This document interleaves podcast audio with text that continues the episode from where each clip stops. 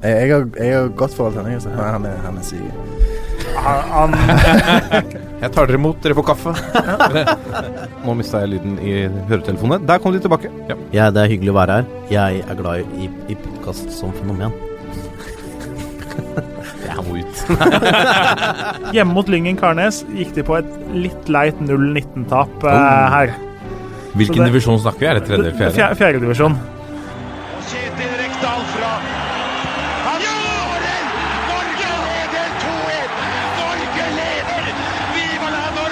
Og der er eh, toppfotball tilbake igjen. Nå er det kort mellom slaga. Det er fantastisk. Det er nesten som å være et slags eliteseriesluttspill. Det føles ut som et, et mesterskap. Det er jo et mesterskap, for å være La oss være ærlig, men uh, nå koker det skikkelig. Det er uh, Altså, jeg sitter litt med følelsen av at alle sesongene burde være sånn. Burde være, burde være matcher på, i Eliteserien på onsdag.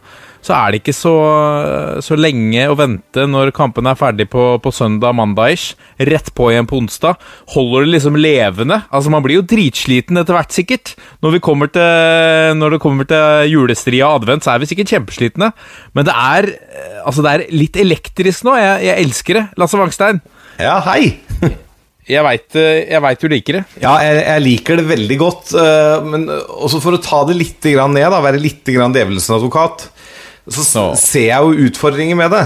I det lange løp. Jeg ser at eh, norske klubber må ha veldig store staller for å tåle belastningen. Og så ser jeg også at den ventetida da fra sesongen er ferdig fjerde søndag i advent til vi begynner igjen i midten av juni, den blir voldsomt lang. Absolutt. Uh, vi kunne utvida med enda flere lag, da, for eksempel. Eller uh, Sånn 24-lagsserie. Det er jo sikkert veldig populært. Ja, det, det blir bra. La, la oss gå videre til en mann som eh, snart skal i gang med sitt lag. Ole Martin eh, Nesselquist. Ja. Du, eh, nå teller dere vel ned, kanskje ikke sekunder, men timer og dager til serien kicker i gang. Er det, er det elektrisk på Strømmen stadion? Alltid elektrisk på strømmen. Så det er eh, Nei, vi er klare. Vi gleder oss veldig. Det skal bli virkelig godt å spille om poeng igjen. Og vi er ganske lei oppkjøring nå etter åtte måneder, så det skal bli godt. Hvor, hvor tett følger du matchene i Eliteserien nå, før eh, Obos-ligaen starter? Og ser du mindre Eliteserien når ligaen er i gang, altså Obos-ligaen? Ja, eh, foreløpig så har jeg fått på meg stort sett alt av Eliteserien. Eh, Sånn med, jeg har ikke sett samtlige minutter, men jeg har vært innom de fleste kampene. Eh, Så det er veldig godt å ha i gang norsk fotball igjen. Vi vi er jo litt rare, vi da. Jeg sitter jo heller og ser på Eliteserien enn internasjonal fotball. Jeg syns det er bedre. Så um, fått med meg mye eliteserie, og så blir det naturlig nok eh, mer og mer Obos framover. Og det skal bli godt, det òg, for Obos er jo enda bedre enn Eliteserien igjen. Hvorfor ler dere hver gang jeg prater opp med Obos? Nå må dere ta dere sammen, alle tre. Jeg ler med. Ler med, selvfølgelig. Ja, ja, ja. Det er hyggelig at du liker det så godt. Jørgen Kjernås, Det er meg. Uh, du er jo fortsatt litt forbanna, selvfølgelig, fordi breddefotballen er jo ikke i gang. Men uh, Men uh, nå går vi snart mot eh, åpning av Obos-ligaen også, så det blir vel liksom Du blir mindre og mindre forbanna, og så hjelper det kanskje litt at du herjer i Fantasy, eller? Ja, du skulle bringe opp fancy. Det var overraskende, etter sånn eh, ja. Du vippsa meg 1000 spenn for at jeg skulle dra Fantasy. Nei, det er ikke noe suksess ennå, da. Det, men eh, Nei. Sammenligner man seg med 7. divisjonslag, så går det ok. Men ja, nei, litt er Det er klart Obo starter nå til helga. Annendivisjon starter helga etter. Det gjør jo ting litt bedre på veldig mange måter. Og så håper vi jo at denne uka så kommer det et klarsignal for resten òg. Nå er det jo sendt ut undersøkelse til annendivisjon damer og tredjedivisjon menn for å høre om de er i stand til å etterleve disse protokollene i stor eller liten grad. Så får vi håpe så mange svarer det eh, som, eh, som sant er. At, eh, og sånn, så betyr det da at det er lov å håpe på start i august der, da. Ja. Vi har en fullspekka sending, så vi må bare rase videre. I Pulsen skal vi jo snakke litt om tanker og inntrykk etter fjerde runde i Eliteserien. Eh, Vi skal eh, tippe eh, tabellen i Obos-ligaen. Um, vi har fått Det vil si, Odd har skaffet seg eh, Torgeir Børvens erstatter. er det nå duket for Børven til Rosenborg. Eh, litt tidligere enn tidligere meldt. Eh, vi har fått to ferske seriemestere i utlandet, eh, norske sådan. I Breddenytt har vi en særdeles trist sak som vi kommer tilbake til. I Ole Martins egen spalte, Nestelquist, så skal vi få litt drypp fra toppfotballen. Blant annet en meget pen draktelansering som ble sluppet i dag. Og så har vi en haug av lyttespørsmål. Men nå er det dukket for ukens tulipan og kaktus. Nå må de faen meg skjerpe seg, så kommer jeg å rive hodet av hver enkelt av dem.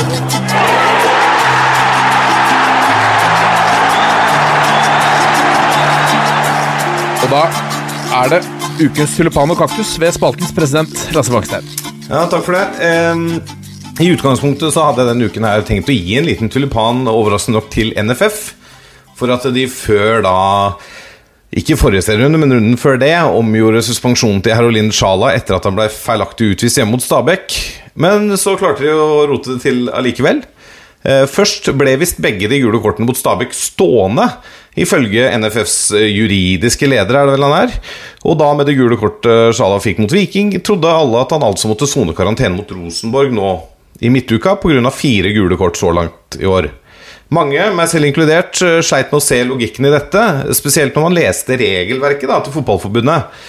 Så Derfor går kaktusen til Fotballforbundets juridiske avdeling, som åpenbart ikke har kontroll på eget regelverk. Og det er mildt sagt eh, litt skremmende, for å si det pent, at de ikke har eh, nok kontroll på det. For det, er jo sånn da i regelverket at hvis du får to gule kort i en kamp som blir rødt kort, så er det det røde kortet som blir stående i statistikken, ikke de to gule. Og i det tilfellet her så var det jo suspensjonen han slapp, ikke det røde kortet, fordi dommeren eh, eh, sa at han hadde gjort en feil. Så det skulle jo bare mangle at han eh, ikke skulle Altså, han skal spille på onsdag hvis han er eh, fysisk forfatning til det. Samtidig så får jo da nevnte Sjala en liten kaktus, han også. Han var heldig som slapp rødt kort mot Viking sist. eh, Og hvis du teller med de to korta mot Stabæk, så er fire gule kort på fire kamper og to situasjoner hvor rødt kort var involvert, og en situasjon da hvor eh, rødt kort eh, burde vært involvert. Det er for mye. Dommerne er bare mennesker. De snakker seg imellom, de forbereder seg til kamp. eh, Og de er obs på Herolin Sjala nå. Så han må rett og slett roe seg litt ned hvis ikke han skal ryke på en ganske snarlig karantene for for mange gule kort, rett og slett. Og så ukens tulipan. Den ja, Rett og slett fordi fotball er underholdning og glede, så ønsker jeg å gi ukens tulipan til noen av eliten, Eliteseriens største profiler. Og nei, jeg snakker ikke om podkasten Spillerådet fra Eurosport. Jeg snakker om maestroen Magnus Wolff Eikrem i Molde, i drivkraften og kanskje delvis undervurderte Ulrik Saltnes i Bodø-Glimt, Amal Pellegrino som banker inn mål på bestilling, og som da står med 12 mål på 13 kamper for Kristiansund etter overgangen fra Godset i fjor sommer, flere kamper som innbytter, og jeg snakker selvfølgelig om toppskårer Torgeir Børven, Odd-spilleren som fortsetter å øse inn fra alle mulige vinkler. Jeg forstår godt at Rosenborg prøver å gjøre alt de kan for å få han klar nå. Dette er spillere som gjør Eliteserien til det lille ekstra. Det er krydderet, og de fortjener heder og ære for å levere uke ut og uke inn. Tusen takk. Oh, jeg fikk eh, helt seriøst fikk gåsehud og antydning til tårer i øyekroken. Ja, du er jo du er vel i en litt sånn eh, Hva skal jeg si? eh, følsom periode nå, eh, siden du går og Klokka driver og tikker på hjemmebane, gjør den ikke det? Ah, må ikke du undergrave dine egne ord her, eh, Vangstein? Nei, greit. Altså, Løfte fram gode prestasjoner. Eh, Det er vel heller i gledesrus og at jeg er sentimental med tanke på at Eliteserien er i gang igjen, tror jeg. Ja, det er bra. Det er bra. Ja, ja, ja, ja. Enn så lenge så er det ja, Jeg skal ikke si min største kjærlighet, men, eh, men ja, jeg tror vi bare går videre.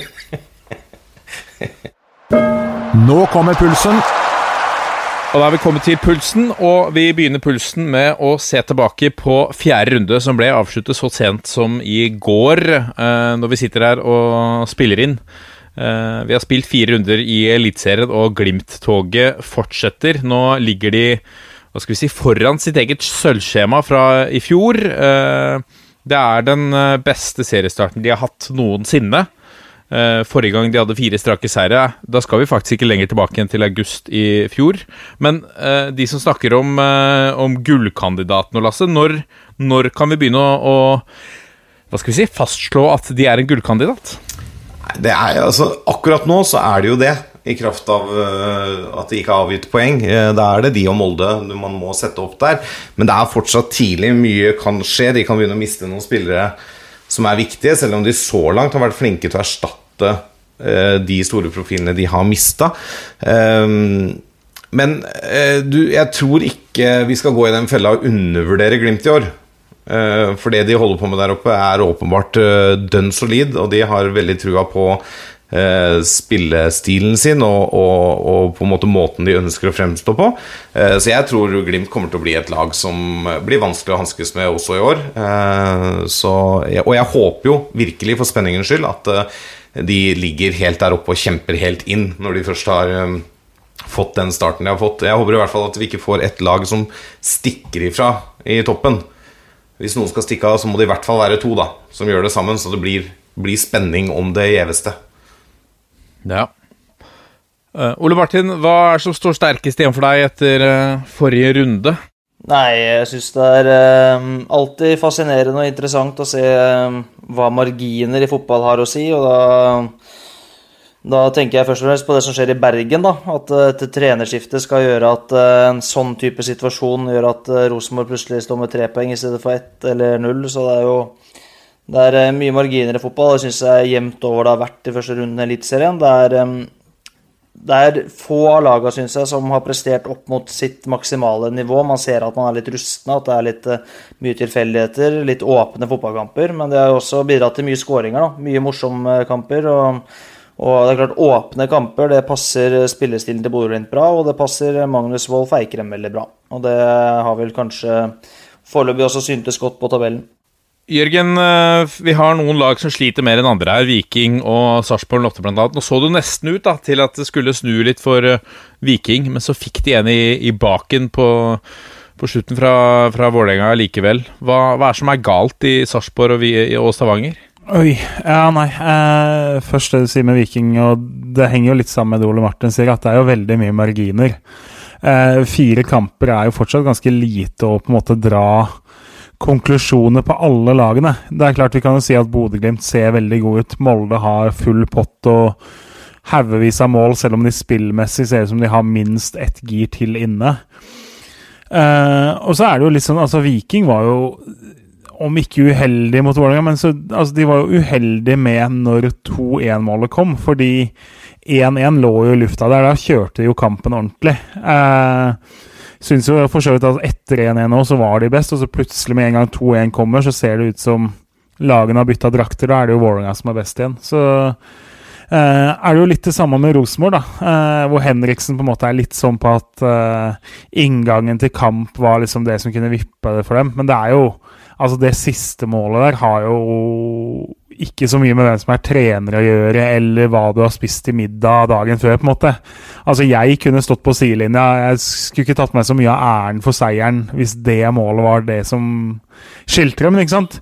Men det kan være målet som løser alt for dem. Nå kan de ha litt lavere skuldre neste kamp, osv. Eh, men det du egentlig spurte om, var vel Viking og Sarpsborg, og det er klart et av problemene der var jo det som var litt ankepunkt mot begge lagene nå. At uh, det er ikke helt lett å vite hva som er beste elveren, hva som er beste systemet, hva som er beste måten å spille på for noen av laga. Og det syns jeg er spesielt på Viking. Viking har bytta både formasjon og bytta og testa mye forskjellige konstellasjoner uten å finne helt ut av hvordan de eh, ser best ut som lag. Det er litt det samme på Sarpsborg òg, som uh, ser litt rådville ut der, nesten. Så eh, Og så er det igjen tilbake til det vi snakka om sist. Altså Måten de har gjort det fysisk, måten de har valgt inngang mot en hektisk start, tror jeg skiller ganske mye på en del av laga. Ja, og så tror jeg, eh, selv om de ikke nevnte de, så tror jeg jeg hadde vært litt bekymra om jeg hadde vært eh, sørlending og glad i Start.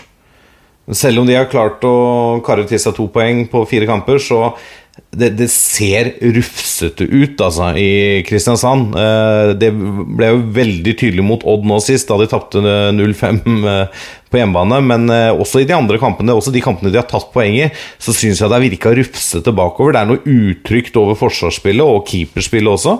Eh, Det får meg til å lure litt på hvorfor han Doimeland ikke spiller, for han Amund Winke har jo har jo ikke virka og skapt trygghet i det hele tatt bak der. Um, jeg er spent på å se om de gjør noen endringer der nå. For at eh, fortsetter de den trenden der med å slippe inn såpass enkle mål som de gjør til tider, så blir dette en tøff sesong for Start. Altså, da, det, det, er ikke, det, altså, det er to poeng foran uh, Sarpsborg som ikke har tatt et poeng.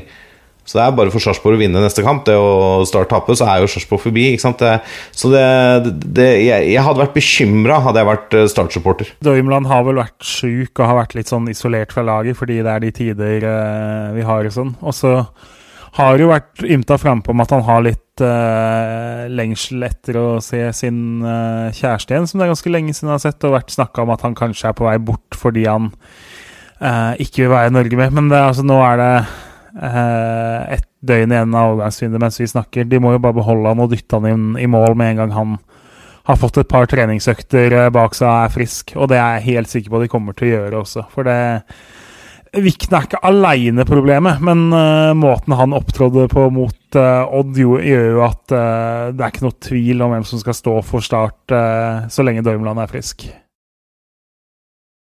Ole Martin, trenerbytte i det vil si Altså at uh, Trond Henriksen kom inn og var midlertidig ansvarlig. Hva så du Så du noe annerledes for Rosenborg-laget post, uh, post Eirik Horneland, kontra hvordan det har sett ut så langt? Nei, ikke noe sånn uh, markant, føler jeg. Det er jo altså, Trond Henriksen har vært en del, en del av trenerteamet, han òg. Og han er Rosenborg-mann. og Eirik øh, prøvde også å spille Rosenborg-fotball, så vi så jo ikke noe sånn markant øh, forskjell, øh, syns jeg. Fikk med meg at det var litt snakk om inngangen til kamp der. Det slo jo ikke helt heldig ut, men, men ja. Som Jørgen vel var inne på i stad, det har lite med trenere å gjøre, det at Rosenborg ender opp med å vinne den kampen. Jeg tror Rosenborg fint kunne vunnet, vunnet den kampen med Hornland også, så jeg kan ikke si at et trenerbytte ga noen spesiell effekt. Dette trenerbyttet som man har sett statistikk på, da, ikke har uh, så veldig langsiktig effekt. Det kan ha en kortvarig endring av energi osv. Så, videre. så det blir uh, interessant. bare, bare å øse inn på ja. H der, i hvert fall. ja, det, det regner jeg med. Det regner jeg med. Vi går videre da til eh, tabelltips for Obos-ligaen. Eh, der har vi latt deg ha hovedansvaret, Jørgen. Eh, vi spurte Ole Martin først, og da satte han opp strømmen på de seks første plassene. Så det ble jo helt useriøst, selvfølgelig. Så vi må jo komme med et tips her. Hvor, hvordan vil du gjøre dette? Nei, Det er jo gøyest å starte fra bunn, er det ikke det? Jo, det vil jeg vil si. Ja. Skal vi bare kjøre på? Ja. Da tar det veldig lang tid før strømmen blir nevnt, da. det er riktig. Nei, det er klart, altså, det er jo en uforutsigbar sesong eh, med enda flere variabler enn det det er i en normal sesong. Og så er det det er jo aldri gøy å på en måte måtte sette noen nederst, da, fordi liksom laga man ender opp med å sette nederst, så har jo de sine positive ting, og får de det de prøver på til å klaffe helt, så, så ser det jo teit ut, og da tippa dem nederst. Eh, samme med de laga som du tenker at det kan løsne for hvis de får til sine ting. Så hvis du tipper lag som Sarpsborg på fjerdeplass, f.eks., så ser jo det teit ut når de ikke får til ting. Eh, men jeg har endt med å på en måte altså Både oddstipping og liksom tabelltipping for meg handler jo på en måte om å finne det mest trolige utfallet, og da har jeg endt med Stjørdalsblink nederst. Ikke fordi at det er et håpløst fotballag, fordi de har både storskårere på topp og et forsvar som knapt nok slapp inn mål i fjor, og en midtbane som, hvor et par har fin erfaring fra fra høyere hold. Eh, men det er liksom hele totalen med det er første gang de er oppe. De hører egentlig ikke til på det nivået her. Eh, litt sånn bokse på et Bokser en vektklasse over det de egentlig hører til, da. Eh, har ikke sett helt bra ut i vinter. Eh, syns ikke signeringene, selv om et par av de har gjort det bra i annen og tredje divisjon, og sånn, så syns jeg liksom ikke de har forsterka seg nok til å skulle eh, blir veldig imponert, da. Selv om både Hjelmeset og Strand og et par andre er fine typer. Så, eh, så totalen gjør at eh, holdt på å si flyplasslaget eh, har endt nederst på mitt tabelltips. Ja, vi får håpe de gjør tipset tipset til skamme for deres eh, egen del. På plassen over så har du eh, Har du putta et lag som har mista to, i hvert fall to veldig sentrale eh, folk i, i ledelsen. Arve Haukeland, som, vi, som jeg hadde en prat med her for noen uker siden, som ligger nå på Podme. Eh, Øygarden, gamle Nessotra. De levner du lite sjanse. Ja, det er litt sånn Jeg er ikke så glad for å sette dem der nederst. Fordi altså, Nest Sotra har jo vært veldig imponerende veldig lenge. Eh, I fjor så mista de jo kvalikplassen bokstavelig talt i siste sekund på et frispark fra Jon Nymo Matland. Og året før så var de på kvalik. Men det er klart, altså Landro og Haukeland var jo de to som styrte skuta der. Eh, nå er begge borte. De har mista igjen veldig store deler av altså Hvis du ser på de 15 som spilte mest for dem i fjor, så er det vel egentlig tre-fire mann som er igjen. Stort sett henta fra annen- og tredjedivisjon uh, for å erstatte de. Så selv om Nest Sotra er gode på å finne gull og liksom skape lag ut av folk man egentlig ikke har hørt om, så er det er det noe med den stallen og på en måte litt veien videre for dem i et to, tre, fire års perspektiv som gjør at jeg har ikke helt troa. Men uh, klart, nå henta de Peter Michael på lån fra Vålerenga etter at jeg hadde på en måte stabla lagene i riktig rekkefølge i huet mitt. da. Så da har jeg i hvert fall fått på plass potensielt en målskårer, som kanskje var det de skreik aller mest etter uh, i stallen sin. Men uh, jeg tror i hvert fall de er et godt stykke unna det Nest Sotra har vært i siste sesongen, og jeg tror det blir en kamp mot nedrykk eh, i stedet. Ja, nå eh, rakk jo Erve Haukeland å, å hente inn hva er det, fem-seks spillere før han forsvant ut eh, døra der. Um, men det er som du sier, de er jo på et litt, en litt lavere hylle kanskje enn de er vant til å hente på. Ja, altså noen av de Det er vel nesten utelukkende annendivisjon eh, som er på en måte øverste erfaringa for veldig mange av de de har henta inn, da.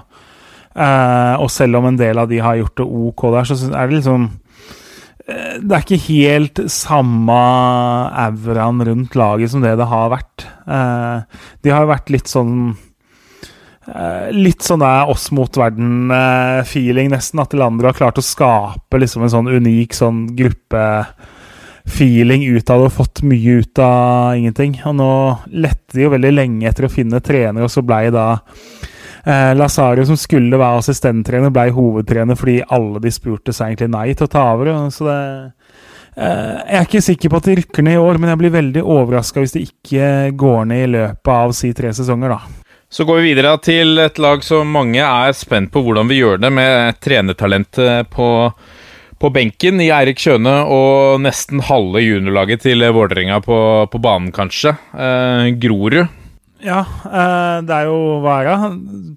Profffotballens fjerde yngste trener eller et eller annet sånt, men likevel bare Obos-ligaens nest yngste. Eh, det er klart, Jeg har jo veldig sans for dem som Groruddøl selv, så håper jeg jo at Grorud lykkes. Og så syns jeg jo det er ufattelig kult at når de er oppe for første gang, så henter de liksom ikke inn masse 28- og 32-åringer som eh, koster litt mer enn det smaker. De går liksom all in på ungdomslinja, henter 16-17-åringer fra Vålerenga og eh, henter tilbake folk de har hatt på utlån. Eh, har blitt veldig tydelig på å skulle være en utviklingsarena for de talentene som ikke eh, storklubbene lenger helt har troa på, da. Eh, og klart, nå sendte de da Oliver Edvardsen til Stabæk. Elias Hagen skal spille en måned for dem eh, før han drar til Bodø. Eh, så de har vist seg på en måte å være et sted det er fint å være hvis du er rundt 19-20-21 år og føler at du ikke helt eh, får tillit i en av de største klubba lenger. Da, da er det ganske mange av de spillerne som tenker at Grorud er et sted de har lyst til å prøve seg. Eh, og så er jo da altså, De har en veldig jevn stall. De, jeg tror ikke Kjøne helt har den toppa elveren klart i huet sitt engang. Eh, han har i hvert fall en fire-fem plasser hvor det er eh, så jevnt at det nesten er liksom magefølelse som avgjør hvem som spiller. Eh, og totalt sett så er det veldig ungt, eh, som jo eh, Det er fint, men altså jeg, jeg tror jo Ser du på en måte he, på hele greia sammen, så vil det overraske om Grorud ikke er et lag som er nede i bunnen. Men eh, det er de jo på en måte fullstendig klar over sjæl òg. Det er litt sånn Har ikke så mye å tape-følelse som kan på en måte redde dem litt òg. For det, det er en gjeng som nå skal vise hva de er gode for og kan, og det er ikke så mye press på dem som det det er på en del andre lag som potensielt er nede i bunnen. Eh, så det er et lag jeg er ekstremt spent på, men det er vanskelig, da, uansett hvor eh, sympati man har med dem, så er det vanskelig å ikke tippe dem ganske langt ned. Kort til slutt før vi går videre. Eh, Christos Safaris er en mann som, eh, som mange er, har store forventninger til. Eh, jeg vet at Vålerenga ønsket å beholde ham. Han gikk litt overraskende til, til Grorud. Hva slags spiller er det? Hvorfor skal vi holde et øye med han? Han er litt Altså, han har kvaliteter med ball, men han uh, er litt sånn Han ser litt sånn jordfreser ut òg. Altså, kjapt opp i press. Eh, vil veldig mye. Spiller liksom med intensitet og litt sånn hjerte utapå drakta. Så det For han er det jo godt nytt at Elias Hagen skal opp til Bodø. Eh, da er han potensielt et andre-tredjevalg på sentral midtbane der, hvis ting går sånn som han håper. Mens i Vålerenga så har han kanskje sittet på benken for andre lag i uh, andredivisjon. Så, så sånn sett så er det veldig forståelig at han går til Grorud isteden. Uh. På 13.-plass har du putta eh, Raufoss, eh, som ikke har henta så veldig mye i eh, vinter. De har fått litt tilbake fra, fra lån, bl.a. Flytta opp en fra egen juniorstall. men du tror at de holder, de, de holder seg over de andre lagene helt i bunnen? Ja, det, altså Nedi bunnen der så blir det tett. Det, jeg var, holdt på å si, både Grorud og Raufoss eh, og Åsane var vel nesten innom den 15.-plassen før jeg landa det. Eh, så har de jo henta en spiller jeg har veldig sans for på topp, i Håkon Leine. Som eh, ikke skulker styrkeøktene, i hvert fall, da, ser det ut som. Han, eh, han er vond å møte. og I at de har to ganske ulike spisstyper, men de har samtidig da en litt tynnere stall, syns jeg. Uh, det er på en måte et godt forsvar, uh, en god startoppstilling, og så litt mer sårbare enn en del av de andre laga. Men også et stoppepar som jeg har veldig sans for, altså Marius Alm, som er han store og sterke, og så har de da Solomon og Ovusu ved siden av, som på en måte er hurtig, som har kvaliteter med ball, som jo er en egentlig mer offensiv spiller, som da har blitt midtstopper. Eh, veldig kult stoppepar, hvor begge individuelt har mulighet til å kunne slå seg opp og spille for en større klubb i løpet av få sesonger, da. Men det er klart, ikke sant, i fjor òg, de var jo ikke gode på høsten etter at Maigård forsvant. Han var jo den eh, X-faktoren som vippa veldig mange tap til uavgjort og uavgjort til seier for dem eh, på vårsesongen. Skåret vel ti mål på 16-17 kamper før han dro til Drammen. og var veldig mye nest sist og tredje sist på ting òg. Så uten han så var det jo egentlig et bunnlag. Eh, Syns det er veldig naturlig å tippe dem nede blant de tre, fire, fem nederste.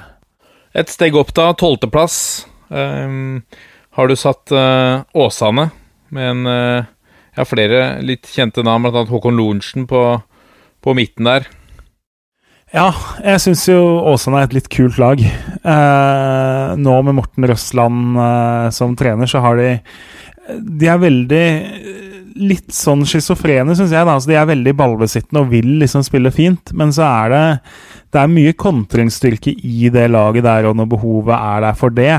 Så eh, etter at på en måte de rykka ned og var litt sånn Kall det pløsete. De var ikke helt sånn Det var ikke noe sterk identitet på det Åsane-laget som rykka ned, syns jeg. Så kom de veldig fort tilbake i fjor, og så er det et lag som har en del spillere som er litt sånn å glede seg til å se. Eh, blant annet da lynhurtige Ole Didrik Blomberg, som si, ingen hadde hørt om, og så kom han og ble omgjort til høyreback fra kant i fjor og hadde haugevis av assist og var lynrask og takka nei til start og er aktuell for Brann eh, og var innom på landslagssamling, vel. Så eh, de har en del unggutter som det blir spennende å se på det nivået her. Eh, så er jeg litt, litt usikker òg. De har sett litt for naive ut, litt rufsete i et par av treningskampene jeg har sett. Tror de kommer til å slippe inn en del mål òg, og da gjelder det at det offensive fungerer for at det ikke skal bli enda lenger ned. Så det er en tolvteplass som er mer fristende å gjøre om til en fjortendeplass enn å gjøre det om til en tiendeplass, for å si det sånn, da. På ellevteplass Ullkisa, med andre en, mann vi har snakket om tidligere, Mesut Chan. En eh, hva skal vi si, en Oslo-legende som har vært mye skada, kommet tilbake mot alle odds og nå får eh, prøve seg. Han har sagt opp jobben på Posten og eh, får prøve seg som fullprofesjonell.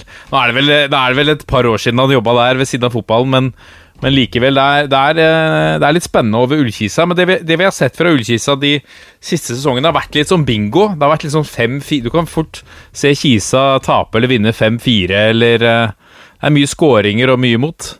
Ja, det, de har ligget ganske stabilt på rundt 50 baklengs nå de siste sesongene, og da er det veldig vanskelig å løfte seg. Eh, det er klart det er mange som har dem høyere opp. Jeg tipper jo 11.-plass er noe av det laveste de kommer til å bli tippa denne sesongen her, men det eh, Jeg er ikke så solgt, altså. Jeg, jeg er usikker på om de klarer å tette igjen. Blir det liksom 47 baklengs igjen, så er det vanskelig å komme seg veldig høyt opp.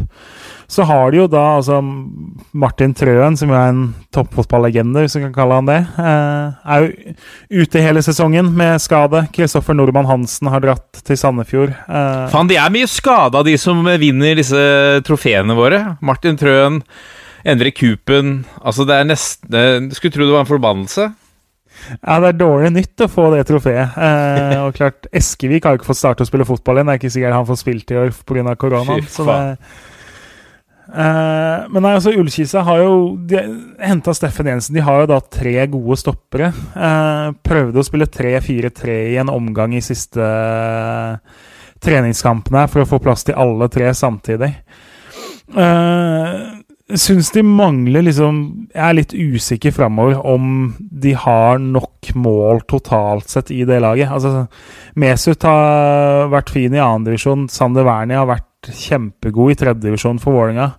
Eh, Henrik Kristiansen er en fin spiller, det, for men altså, om de totalt sett da har liksom 35-40 mål fra angrepstrioen sin, da, sånn som du kanskje trenger for å eh, nå kvalik, det er jeg veldig usikker på. Eh, så for meg så er de litt sånn ett lag i mengden. Eh, og så må man jo ha på en måte noen tips som skiller seg litt ut fra det alle andre tror. Jeg tror det er mye sånn sjuende- og åttendeplass på dem. Så skal man på en måte vinne en tabellkonkurranse, så må man skille seg ut på noen, og da tror jeg Ullkisa eh, kan komme til kort mot et par andre lag der. Og så, da, til uh, tiendeplass og til uh, verdens yngste profesjonelle trener, vår egen Ole Martin Estelquist, som har, ser ut til å ha montert svingdør på Strømmen stadion der. Hele 14 mann kommet inn døra. Stemmer det, Stemmer det Martin? Ja, altså Fordelen med svingdør er at du kommer fort ut igjen hvis ikke det går bra. Så, ja, for det er ganske mange som har gått ut igjen her òg. Ja, det har vært mye utskiftninger. Det har det. Men uh, veldig fornøyd med de. Så uh, jeg syns tiendeplass er vel uh, kanskje blant de mest fornuftige tabelltipsene jeg har lest så langt. Nå skal det sies at Stort sett alle tabelletipset jeg har lest til nå, er bare tøv.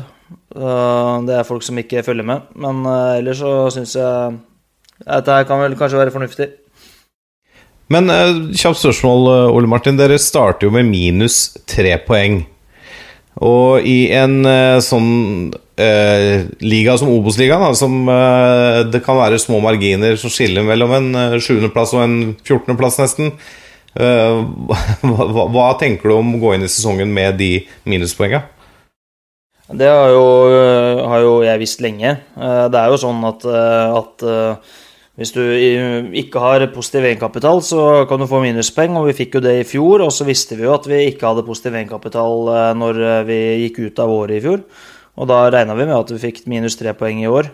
Så det har vi visst om lenge. Og så er det jo sånn at det påvirker jo strengt tatt ikke jobben min. Det, det, påvirker et sluttresultat, men det påvirker jo ikke prosessen. Det er ikke sånn at eh, det hadde vært viktigere for oss å vinne kamper hvis vi hadde starta med null poeng. Eller at det hadde vært mindre viktig for oss. Og jobben er uansett den samme. Vi skal vinne kamper, og det skal vi prøve å få til allerede nå til fredag mot Kisa. Så um, uh, veit vi også det at det er ikke Det er ingen som har uh, drevet den klubben her dårlig med vilje. Vi jobber ræva av oss her for, det- for å få det til å gå rundt, og det er tøft å være en del av norsk toppfotball. Vi er i ferd med å snu det nå. Ting ser bedre og bedre ut, men eh, vi måtte ta de minus tre poengene nå, og så tror jeg det er siste gangen på veldig veldig lenge at Strømmen får minuspoeng. Sånn er det bare. Vi er, snakket om, vi er litt spente på flere av oss. eh, Josef uh, Chaib, som du henta fra, fra Kvikk. For eh, Hvordan ser han ut på, på trening? Nei, Josef, eh, Josef kommer til å skåre mål, han kommer til å skape sjanser og produsere. Så kommer han også til å være usynlig i perioder, men han eh, Jeg blir veldig overraska hvis han er Strømmen-spiller i 2021. Da har han vært skada eller et eller annet.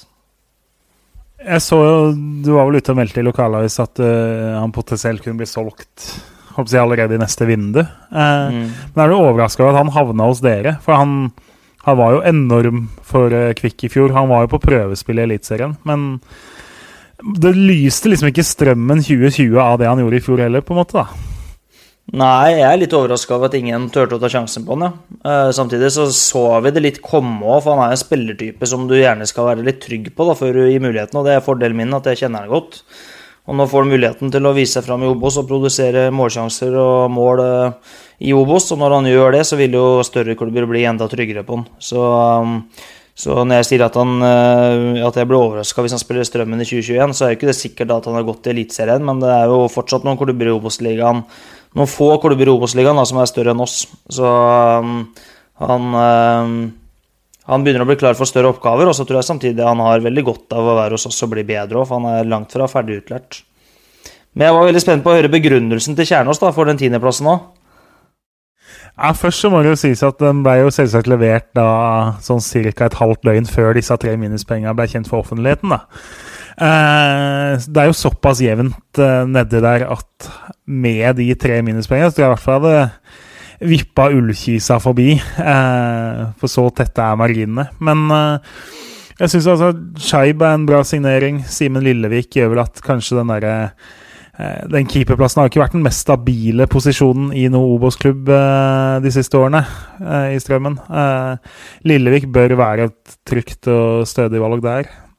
Bedre bredde, kanskje. Kanskje jevnere tropp enn det det var før. Det, vi har jo snakka litt om det at nå, etter korona, så er det ganske tydelig at dere har satsa på en litt større stall, hvor også nummer 19 og 20 og 21 i stallen skal kunne bidra uten at det føles ut som noe ekstrem kriseløsning å måtte dytte de inn på i 25 minutter. Eh, får man i gang Celine, så er jo det en av de mer naturlige målskårerne du finner eh, på det nivået her, sammen med en tre-fire andre. Eh, og så ellers, da det, Så taler det jo imot at både i treningskamper og med de som stort sett spilte sammen i Forsvaret i fjor, så er det jo eh, som litt ikke helt Ullkisa-nivå, men er, jeg tror man må ofte skåre to mål for å vinne fotballkamper, da. Eh, med Strømmen i år. Så Og så er det litt sånn det naturlige hierarkiet. Altså, ser du på f.eks. Sandnes Ulf eller Jerv, som jeg har rett over, så har jo de sannsynligvis større økonomiske muligheter i septembervinduet til å gjøre noe hvis det brenner for dem, enn det Strømmen har. De kan banke på hos noen snille onkler og få penger til én eller to skikkelig fine signeringer, mens Strømmen er litt avhengig av folk som eh, havner litt utafor i større klubber eller flytter til Oslo for studier og litt sånn, da. Så man kan på en måte ikke bare bedømme nåtid heller. Man må jo tenke litt på, på måte, mulighetene til å rette opp ting halvveis òg. Så er det et viktig argument at eh, vi har jo tross alt eh, kun ett tap nå siden mars. Det er en ganske sterk eh, prestasjon. Ja. Er du fornøyd, er du fornøyd med analysen, Ole Martin? Jørgen har bra oversikt, han. Og så er jo sånn, jeg er jo som fotballtrenere flest. Jeg er naiv og har trua på laget vårt, så jeg tror han undervurderer oss litt. Men uh, Jørgen er vel en av de mer oppegående fotballekspertene vi har i landet her, så det, jeg kjøper hans argumenter. Det er godt. det er godt. Vi får ta oss en match eller tre da, på Strømmen stadion hvis vi slipper oss inn. Det er vel kanskje ledige på pressetribunen der? Eh, ja, man kan jo gjøre det. Ellers så er det jo eh, kjøpe sesongkort. da, 990 kroner. Så får du fem, fem, 15 gode kamper på Strømmen stadion, så det er jo å anbefale. Selvsagt. Vi går videre da til eh, vi, kommer vel til å snakke mer om Strømmen i løpet av sesongen. Eh, vi går videre til Jerv, som har uh, henta inn en rekke signeringer. Vi har snakka tidligere om Daniel Rocha, som kom under covid-19, bl.a. fra Øygarden. Ja, som kom, og som nå er skada, dessverre. Så det er jo også Det er jo litt sånn på å si ulempen med å eh, tippe med en liten uke igjen. Han tok vel korsbånd her, hvis jeg ikke husker feil. Uh, og da er jo på en måte ikke det noe signering å regne med lenger, da. Uh, men ja. Jerv har jo Ellers De henter jo alltid noen sånne, kall, kall det wildcards, da. Når de henta spissen Pibe, som jo sist var på Gibraltar og spilte fotball der. Eh, de der eh, sjansesigneringene deres har jo litt for ofte vist seg å være å si, mer granbar enn gull de siste sesongene. Og bidratt til at nå De har vel blitt 13, 13 og 12 tre sesonger på rad. Men i tillegg til Pibe da, så har de henta Campos, som har 35 matcher, tror jeg det er, i MLS. Eh, som kommer fordi han studerte sammen med Iman Mafi og ble kompis med han da. Så Mafi, som er tilbake fra Kongsvinger, overtalte han til at Sørlandet var et fint sted å teste seg ut. Eh, men ellers har jo også Norheim kommer jo tilbake fra Strømmen. Ser ut som han skal spille på midtbanen der sammen med Wickman, som jo er en bunnsolid uh, midtbanespiller. Uh, har jo en av mine favorittspillere, Daniel Aase, uh, på laget. Som ikke er sikker på at kommer til å spille fast, men som alltid er gøy å se på. Uh, så litt usikker på, på en måte der òg, om niendeplass er litt offensivt. Der en Arocha gjorde at den stoppertrioen så veldig fin ut, og sammen med da en fin sentral midtbane, så skal de, eller skulle de ha blitt mye tøffere å møte i år enn det de har vært et par sesonger. Men uh, det er fryktelig tett der, så altså lagene fra sjette og ned til tolvteplass føler jeg at der uh, der har nesten en ape som trekker peanøtter, like stor sjanse til å treffe på en måte som vi som prøver å analysere litt dypere enn uh, apekattene, da.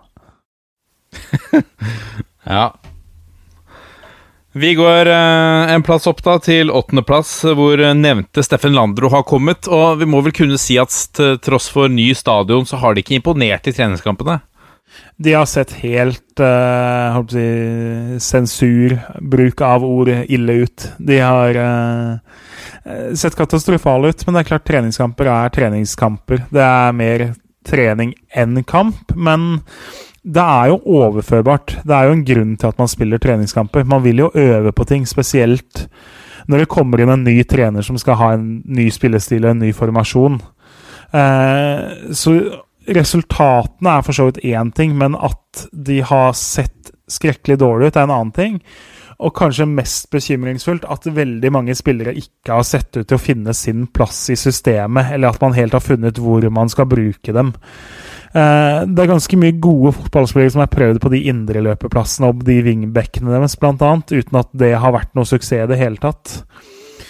Uh, og så når dere da i tillegg nå vet at Jostein Ekeland og Ingvald Hallgunset begge er meldt å være ute da i to-tre-fire måneder, sånn at de misser potensielt uh, over halve sesongen, så er det to av de viktigste brikkene i det mannskapet som er ute. Uh, I tillegg så er da keeper Pål Heigre fikk jo en Han fikk en hueskade, var tilbake på trening nå og måtte gi seg med en ny hodeskade. Da står de igjen med to 18-åringer som er helt uprøvde, og som uh, så veldig lite imponerende ut i hver sin treningskamp her nylig. Så uh, summen av liksom skadefravær, et system som det ser ut som man ikke helt takler uh, helt ennå, da Litt at de har sett så dårlig som de gjør, gjør at jeg tror de kommer til å slite med å komme i gang. Jeg tror det tar en stund før Landro har det Ulf-mannskapet, og på en måte at de er så gode i det systemet som han vil. Eh, Men du tipper de, du tipper de fortsatt på én plass På en plass høyere enn de havna i fjor? Ja, altså, De er jo jokeren i kortstokken, definitivt. Mannskapsmessig så burde de jo vært topp fem. Ser du bare liksom på Hadde det vært football manager eller hadde det vært Fifa, så hadde de vært et av de fem beste laga.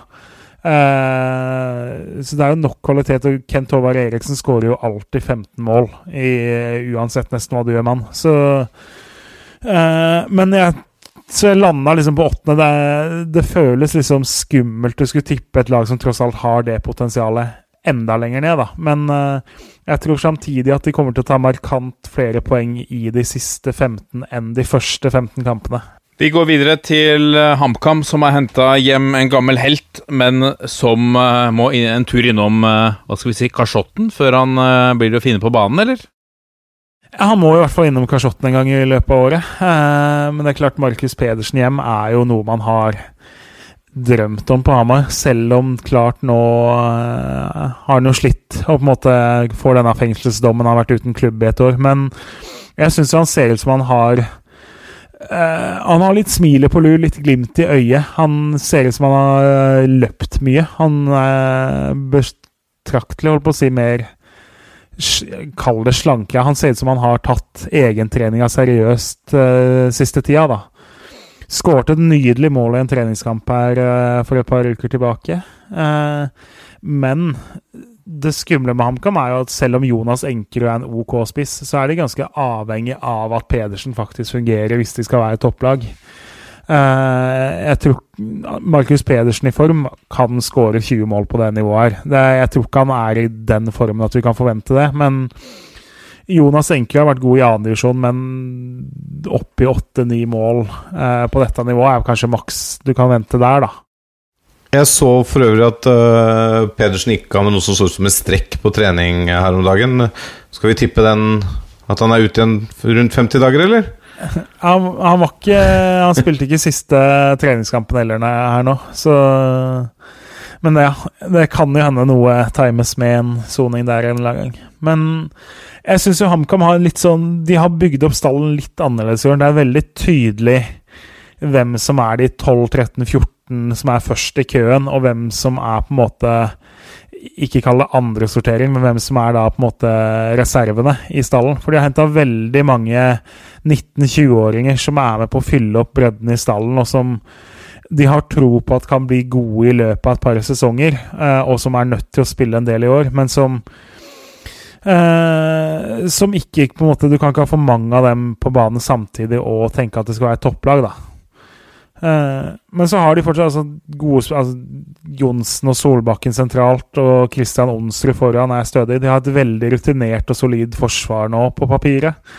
Jeg tror Eriksen Ranverk er en bedre keeper anno 2020 enn det Jarosinki var anno 2019. Så jeg tror han kan bli litt bedre, men ja, sjuendeplass indikerer jo at man har større tro på seks andre lag eh, likevel, da. Men en markant eh, forbedring fra fjoråret. Vi går videre til uh, en plass opp. Der har du putta Koffa og en annen uh, hva skal vi si, omtalt trenerprofil som har vært i søkelyset for flere jobber. Nå uh, Han blir i, i KFUM, Jørgen Nisnes.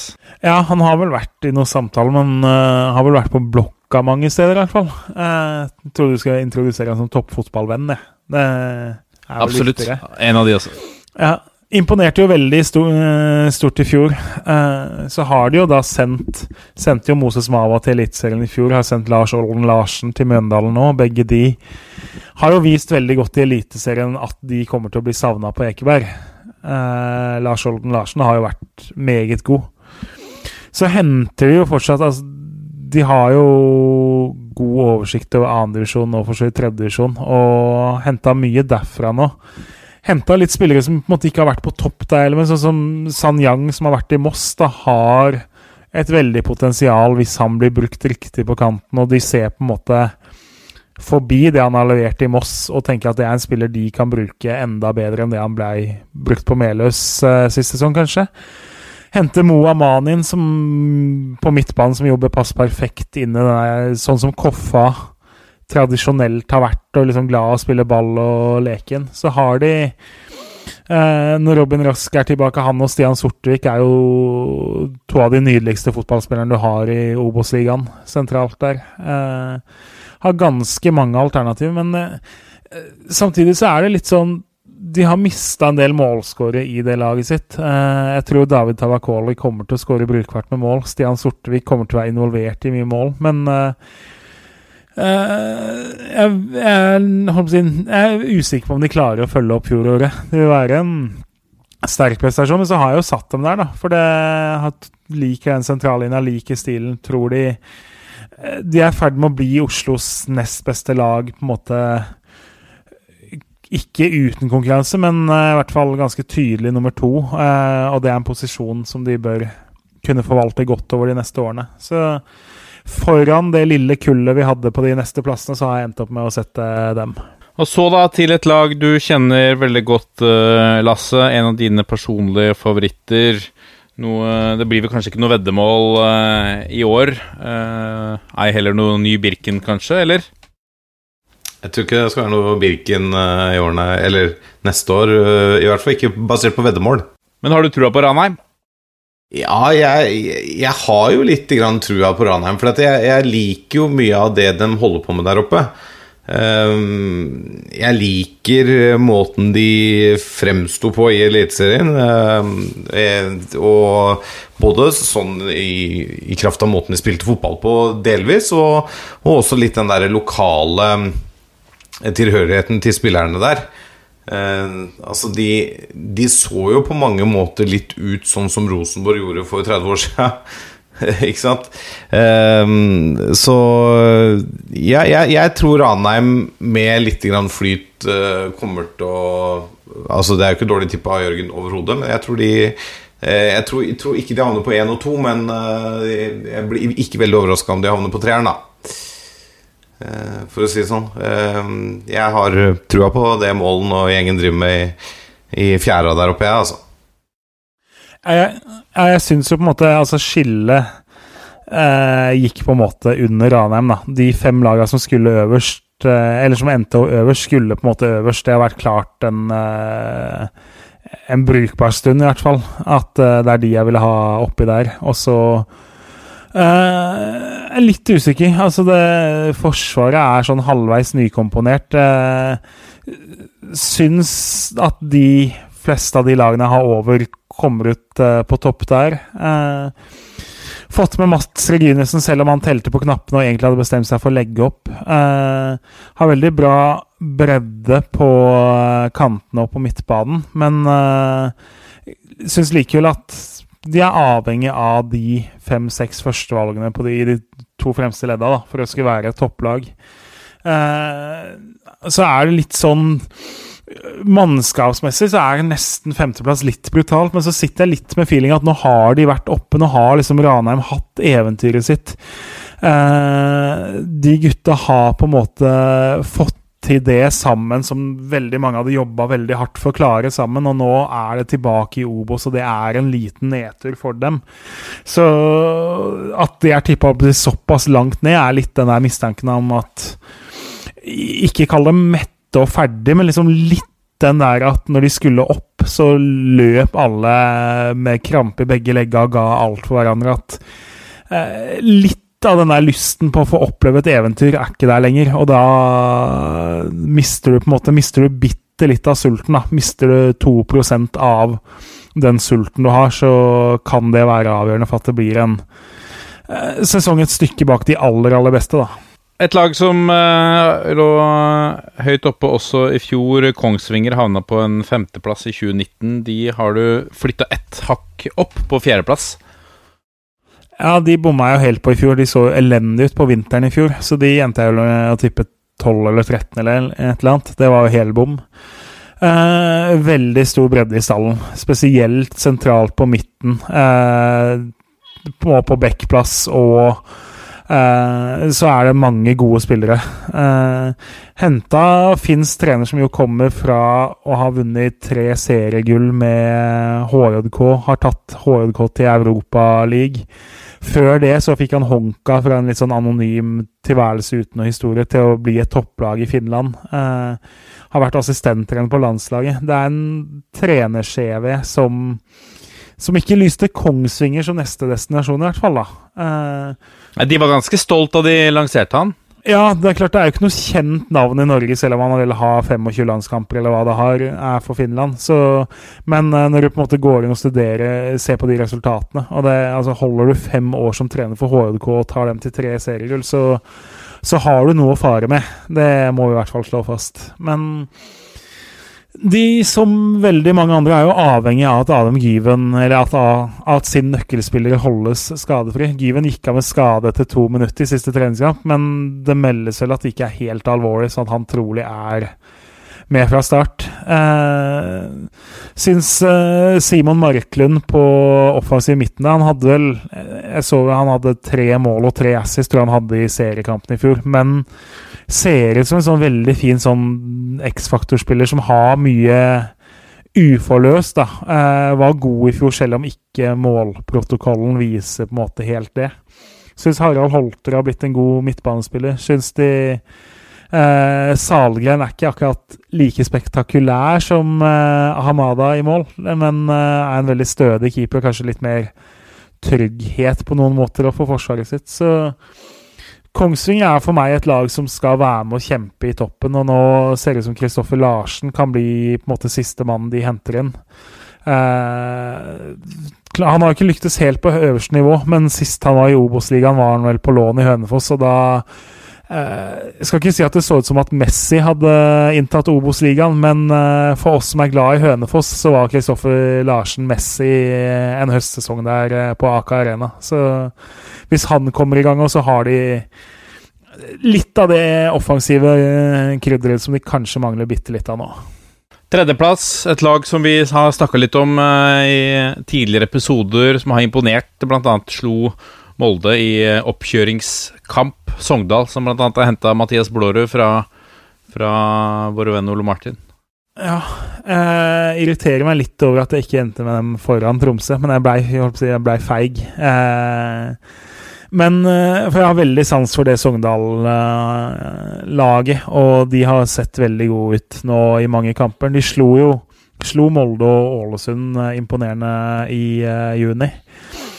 Så Blårud er henta inn for å gjøre litt grovjobben ved siden av Sivert Mannsverk, som er eh, kanskje ikke et sånn common navn i norsk fotball ennå, men kommer til å være det i løpet av eh, Altså gi det innen utgangen av 2021, så kommer det til å være et navn veldig mange flere vet hvem er. For det er eh, kanskje en av de mest spennende spillerne vi har her i de øverste divisjonene. Uh, over veldig mange av de som hypes opp i Eliteserien, for min del. Og er en spiller som styrer og dirigerer spillet, og nå Blårud ser ut som han utfyller han perfekt. da. Så går det jo litt Ser ut som det blir 3-4-3. De kjører en full sånn ungdomslinje, nesten. Hvor eh, selv om de henta Endre Kypen og Stefan Antonijevic og litt sånn er i stallen, så ser det ut som det blir jo egentlig ingen under 25 år, nei, over 25 år som er en toppa elver eh, for dem av utespillerne. Uh, Henta Rensefi, som har vært uh, Var kanskje Obos-ligaens beste keeper i fjor for Nest Sotra. Uh, Ogbu er permanent fra Rosenborg, en strålende signering. Uh, både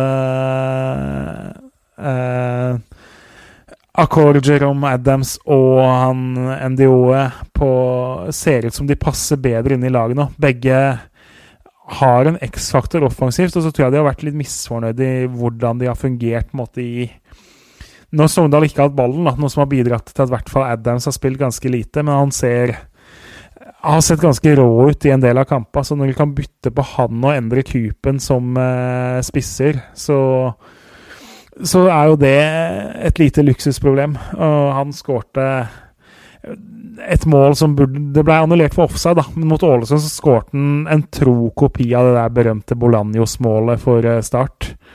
Eh, hvor tar ned på kassa, og så fyrer han da på helvolley fra kanten av 16-meteren, og så over keeperen. Eh, det er så fint. Og han, han har også sånn potensial i seg, da. Eh, så jeg syns Sogndal har sett sett veldig lovende ut. Kjørt den ungdomslinja nesten fullstendig ut. Eh, jeg er veldig sans for det, de, det mannskapet de kommer til start med nå. Så jeg tror de etter et 2020 hvor de var litt for svake og litt for langt unna toppen, at, nei 2019, at de i år kommer til å være et, eh, et lag som kjemper om direkte opprykk. Og så til uh, topp to, da. Hva, hva, er det som gjør at uh, Som skiller disse to, uh, Jørgen? Tromsø har du tippet på andreplass. Fått Gaute Helstrup inn som en local lad, inn som trener der. Ja, litt, det har vært litt større spørsmål ved Tromsø. Altså er, selv om det er de to lagene alle forventer at er i toppen, så er det spørsmål ved begge lagene. Eh, for Tromsø har det først og fremst vært spissplass. Nå landa det jo da Asemi tilbake på lån etter at han ikke trivdes og fungerte i Stabæk. Eh, var jo god for dem på høsten i fjor. Og så har de da på en måte fortsatt, eh, selv om Mohammed Ahmed er tilbake i toppfotballen, kanskje mest overraskende comebacket i år. Ja, det var stor, ass. Eh, så det er litt usikkert hvem som skal spille ved siden av Asemi. Altså Daniel Berntsen er god, men han er ikke noe spiss. Mikael Ingebrigtsen har vært skadd et år. Sigurd Grønli har noe spennende ved seg, men liksom ikke førstevalg ennå. Brage Berg Pedersen hadde plassen mye i vinter, men liksom fra benken i Alta til å skulle spille fast for Tromsø høres ikke helt ut som løsninga, det heller. Så og Isak Hansen Aaren forsvinner jo om en måned og er bare 15 år uansett hvor loven han er. Så spissplassen har vært et problem der. Og så ser det litt tynt ut på stoppeplass, i hvert fall sånn mannskapsmessig, fordi Pirin har forsvunnet og Jensen er skada. Og om måte, Lars Sætre er helt forsterkninga de trengte, er jeg usikker på. Men uh, ha en sentral midtbane hvor altså Ruben Yttergård Jensen er tilbake. Kent Are Antonsen er jo en spiller det er vanskelig å ikke ha sans for. Eh, Magnus Andersen har litt stått opp fra de døde etter at han var helt ute i langt nederst inne i fryseboksen. Så fikk han spille litt på slutten i fjor og ser ut som han er inne på laget nå. Eh, bra wingbacker. Eh, Arnason syns jeg var ganske god da han spilte i Ålesund. Eh, både Eliteserien og Obos. Nå er han eh, inne der og Lasse Nilsen på motsatt. Så de eh, Tromsø blir solide. Og så er da det store spørsmålet om spissa de har skårer de målene som det er forventa at de skal. Og så da på, på, topp har du satt Lillestrøm til, eh, jeg vet, til forergelse for eh, bl.a. Eh, podkasten Harde mottak og Trym Hogne, vår toppfotballvenn, og ikke minst Morten Galaasen. De kommer jo nå til å bli fly forbanna på deg for at du jinxer alt sammen og fucker opp for Lillestrøm. Ja, Hvis det er jeg som ødelegger for dem med å tippe dem øverst, da fortjener de ikke opprykket. men det er klart, det hadde det vært et verdensmesterskap i antimaning, så kunne Norge vurdert å sende store deler av Kanarifansen. Selv om de da håper jeg, fikk rett til slutt i fjor. Så har jeg inntrykk av at det er en god del av de som, eh, som er glad i det gule og svarte, som har prøvd å sette ny rekord foran denne sesongen òg. Det er klart Å være størst og være det laget som alle forventer skal cruise gjennom ligaen, Eh, det er aldri lett, og det er det laget alle gleder seg til å møte. Så er jeg usikker på Jeg tror jo ikke det er en fordel for dem at det nå kan bli nesten tomme tribuner. Fordi de har tross alt en uh, plussfaktor med et fylt Kanarifelt.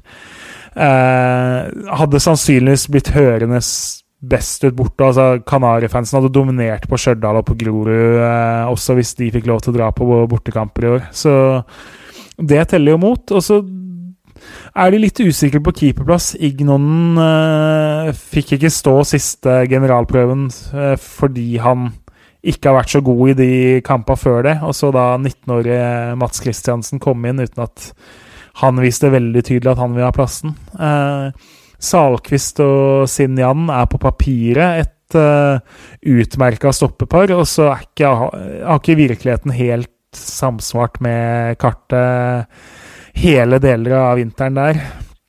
Uh, men offensivt så har de altså Thomas Lene Olsen sentralt i 4-3-3 på spissplass der. Kommer til å skåre bøttevis med mål. Moses Ebier har fått, uh, fått, en helt ny start når han har vært flytta ut på venstrekanten der, og ser ut som han kommer til å skåre mye derfra. Daniel Gustavsson var jo umiddelbart god da Tom Nordli la ham til 4-3-3 før kvalikkampa i fjor, etter at han var helt anonym i 4-4-2.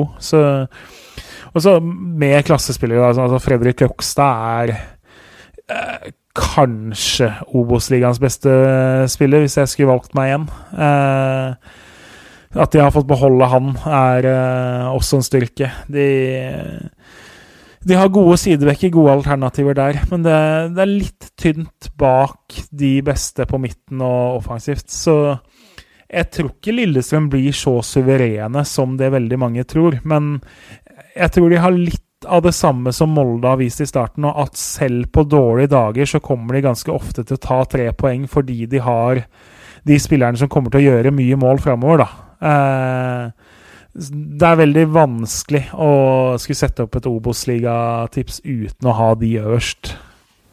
Ja, det er vel eh, knapt noen, tror jeg, i Norge som kommer til å sette noen andre enn Lillestrøm på toppen av sitt Obos-tips. Eh, og det ville overraske meg voldsomt hvis ikke Lillestrøm i alle fall går direkte opp igjen til Eliteserien når vi summerer opp ute i, ute i vinteren. Ja, vi har en mann på strømmen som ønsker å stikke kjepper i hjulene. Det må du få lov til. Ja, LSK er favoritter i 28 av 30 seriekamper. Og så Strømmen slår du jo ikke. Jeg vet ikke, husker ikke jeg sist LSK slo Strømmen. Det er mange år siden i hvert fall. Så sånn er det jo. Men 28 seire holder vel vanligvis til opprykk. Snakkes det noe om i stallen eller i garderoben om, om det oppgjøret? Nå har du, vi har jo om, du, Dere har jo henta inn mange nye, men uh, som kanskje ikke har uh, De har jo ikke vokst opp på strømmen, uh, alle de. Men er det en match som de fleste gleder seg litt ekstra til? Ja, når det nærmer seg, så er det nok helt sikkert det. Og så er det jo sånn altså Vi som jobber med det daglig, er jo veldig opptatt av den Kisa-kampen akkurat nå. og det blir litt sånn jeg veit at supportere snakker veldig mye om LSK og gleder seg veldig til det. De er jo glad i å vinne mot de. Og um, det er sånn det skal være. Og så blir det på en måte vår jobb å fokusere på Kisa nå i første gang. Og så må vi liksom være kjedelige og ta én kamp av gangen, men det er samtidig det riktige for oss. Så um, når den tid kommer, nå husker jeg ikke datoen på når det er, men når den tid kommer, så skal vi være klare for LSK, vi. Ja, da har vi også spikra tabelltipset. Blir lagt ut i sosiale medier. Så blir det spennende å se hvordan dette ender. Ehm, vi går videre, eh, Lasse, fordi eh, i Skien så har eh, Odd holdt igjen Torgeir Børven såpass at, som vi har snakket om Det kunne endt i en, eller kan ende i en situasjon hvor han faktisk ikke får spille fotball i august, hvis de nekter å slippe han til Rosenborg. Nå har de fått henta inn ingen ringere enn en trønder som hans erstatter. Og da er det vel duka for, for, eh, for Rosenborg på Børven, eller? Ja, jeg tror jo Jeg er ganske sikker på at Odd og Rosenborg kommer til en enighet der nå før overgangsvinduet stenger. Og det er nok i hvert fall uh, håpet, i hvert fall på Lerkendal. Og så tror jeg nok også at det, det å hente, um, hente Bakenga nå er for å dekke opp den dagen Børven blir borte. For de, de mister jo en spiller. Uh, og så det er vanskelig, da. Altså Du kommer og skal fylle skoa til Torgeir Børven, som var toppskårer med 21 mål i Eliteserien i fjor, og som har starta med fem mål på fire kamper i år. Eh, en formidabel oppgave som ligger foran Bakenga der, som har gått klubbløs eh, i ganske mange måneder nå. Eh, så det kan jo hende at Odd velger å takke nei til Rosenborg for å la Bakenga få lov å spille seg i form til eh, Børvens kontrakt går ut. Uh, for jeg tenker jo, i den formen Børven er nå, så må jo Odd gjøre seg vurderinga hva, hva, er, hva er mest verdt for de Å ha en spiss de vet leverer, som er profesjonell og leverer mål kamp etter kamp, og som gjør at de kanskje kan vinne litt flere kamper, eller er det to-tre millioner på bok fra Rosenborg for å slippe en, uh, slippe en halvannen eller fem, fem uker før tida, da? Så det, det, blir veldig veldig spennende å se. Men jeg, jeg, tror det er et signal om at Børven får gå. Men, og jeg tror de har intensjoner om, om, å finne en løsning der. Men og det må gjøre seg de vurderingene, altså om, om, det er verdt det. Jeg er helt sikker på at det, når det her høres av de fleste lytterne, at Børven er i Trondheim. Uh, jeg sjekka akkurat nå. Han er foreløpig ikke offisielt klar, i hvert fall. Nei. Uh, det er han ikke, det, men det, i snakkende stund så er det 26 timer igjen, så de har jo de har jo tidspress på seg, men jeg, jeg tror det er sju kamper jeg, som spilles i juli. Eh, betale tre mil for å ha Torgeir Børven i sju kamper. Jeg kan jo skjønne at det går an å argumenteres for at det er verdt det, men eh, samtidig, da er du på 430 000 vel per kamp for å bruke Børven. Det, hvis du sier at tre mil er en pris de møtes på, som vel neppe er langt unna realiteten, da. Det, det, begynner å bli dyrt for en klubb som uh, Odd. Vi går videre til uh, uh, fire norske seriemestere i Europa. I Tyskland har Ingrid Syrstad Engen og Kristine Minde blitt mestere for Wolfsburg. Og i Østerrike Erling Braut Haaland for Red Bull Salzburg. Selv om han nå spiller i Dortmund, da. Og Omar El Adelawi for Olympiakos. Eh, El Abdelawi er også vel klar for cupfinalen der i, i Hellas. Uh, dette er vel godt nytt fram til eh, Nations League, uh, Lasse. At vi har uh, Altså, den store forskjellen gjør det vel kanskje ikke om, om Erling Braut Haaland vinner seriemesterskapet i Østerrike. Nei, men det er jo godt nytt for norsk fotball at vi har såpass gode fotballspillere både på kvinne- og herresiden at de kan være med å prege lag som vinner i hjemlige ligaer ute i Europa. Eh, Det, det syns jeg på en måte får være det, det vi sitter igjen med det, og så får vi gratulere spillerne med vel blåst. Eh, Det er eh, I Erling Braut Haalands tilfelle så har jo han, som du nevner, bytta klubb til kanskje en både større liga og en større klubb, og fått en andreplass i Tyskland. Det er ikke så halvgærent, det heller, og han har skåra bra med mål på de få kampene han har fått.